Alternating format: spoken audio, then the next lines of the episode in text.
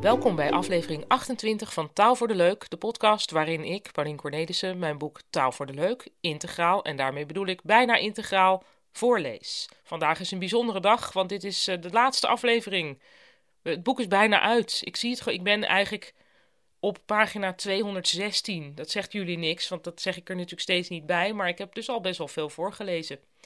En dan ga ik dan, ja, ik, ga, ik kan er emotioneel over gaan doen, maar laat ik maar gewoon beginnen. Afronden. Het afronden van een gesprek is moeilijk. Ik kende iemand die, als ze wel weer klaar was met de visite, zei: Ik wilde nu toch wel tot een zekere afronding komen. Komisch, omdat het zeldzaam is dat iemand zo eerlijk is. Een bijzonder gênant moment uit mijn eigen leven vond plaats op een feestje toen ik met iemand stond te praten die op een gegeven moment om zich heen ging kijken. Ik zei, grappend, je bent op zoek naar interessanter gezelschap? Waarop zij zei, uh, ja. Blijkbaar had ik zoveel zelfvertrouwen gehad dat ik die vraag durfde te stellen, alsof ik ervan uitging dat niemand interessanter zou kunnen zijn dan ikzelf. Het is normaler om het afronden te doen op een manier dat zogenaamd niemand doorheeft dat er wordt afgerond. Hey, maar ik moet er weer vandoor. Of hey, maar wat ontzettend leuk om jou weer eens gesproken te hebben. Eigenlijk voldoet heel veel als je maar begint met een monter hey, maar. Onlangs hoorde ik van een afrondingstechniek van een hogere klasse. Tijdens het gesprek dat je afgerond zou willen zien, doe je het volgende: je loopt achterwaarts weg. Ineens, gewoon tijdens het praten. Ondertussen ga je steeds iets harder praten, want de afstand tot het gesprek wordt groter. Op een gegeven moment ben je min of meer buiten gehoorsafstand. En dan ben je klaar. Het klinkt als een bizarre techniek, maar ik heb hem in vivo geobserveerd en hij werkt wel degelijk. Er is wel veel lef voor nodig. Je moet die eerste stap naar achteren maar durven zetten. Dat is een kwestie van oefenen.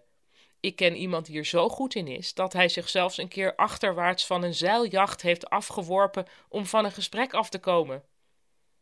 Regelmatig wens ik dat je een gesprek zou kunnen afronden zoals dat met walkie-talkies gebeurt, over en uit. Of zoals bij een talkshow. Ik hoor de eindtune, bedankt voor dit moment. En voor de kijkers thuis, tot morgen. Wel prima hoor. In het tv-programma Ik Vertrek werd een boerenfamilie gevolgd die naar Australië emigreerde om daar een melkveebedrijf te beginnen.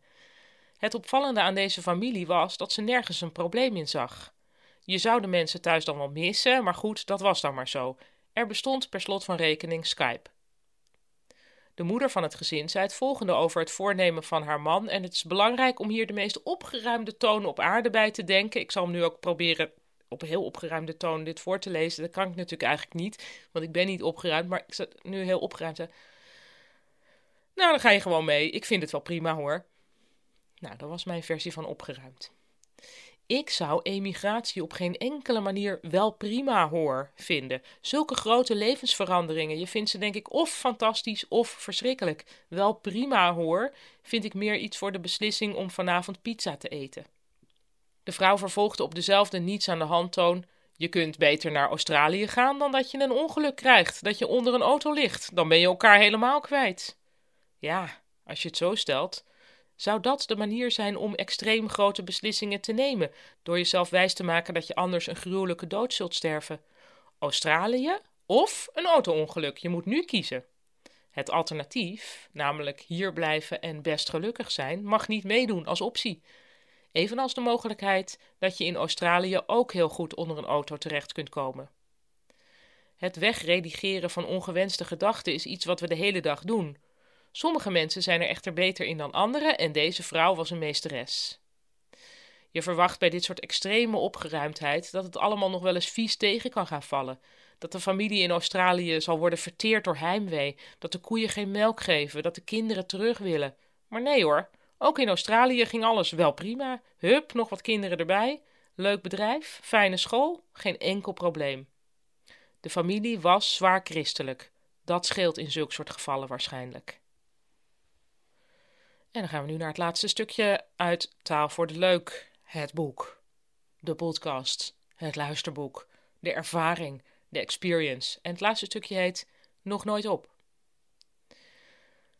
En het begint dan met lees deze zin eens hardop voor, maar dat doe ik al, dus dat is een beetje dubbelop. Maar ik zeg, het toch maar zoals het er staat. Lees deze zin eens hardop voor.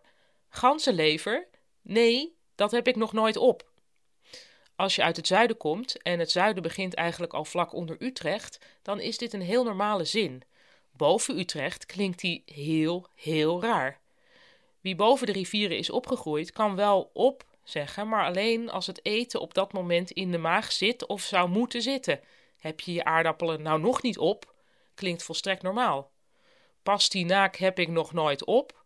En heb jij wel eens niertjes op? Vindt de Noorderling fout. Waar dit aan ligt, geen idee.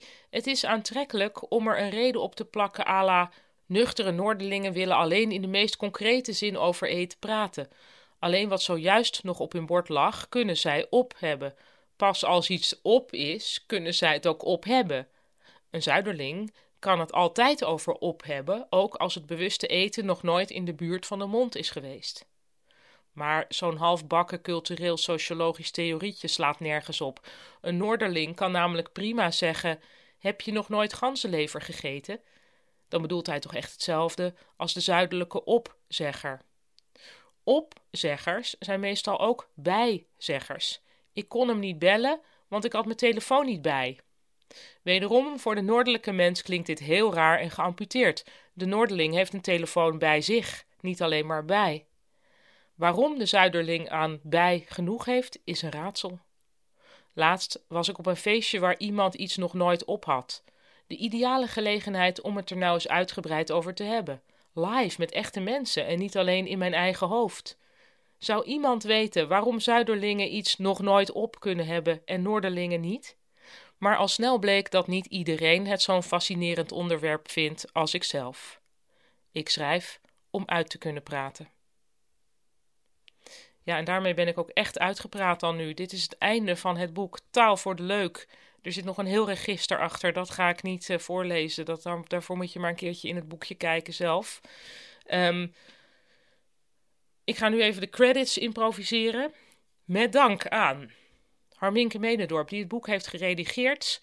Maarten Richel en New Book Collective, die het boek aan de boekwinkels hebben verkocht. Uh, ik ben zelf mijn eigen uitgever, dan heb je natuurlijk wel mensen nodig die je daarbij helpen. En zo iemand is ook Rut Bergmans, die de PR doet.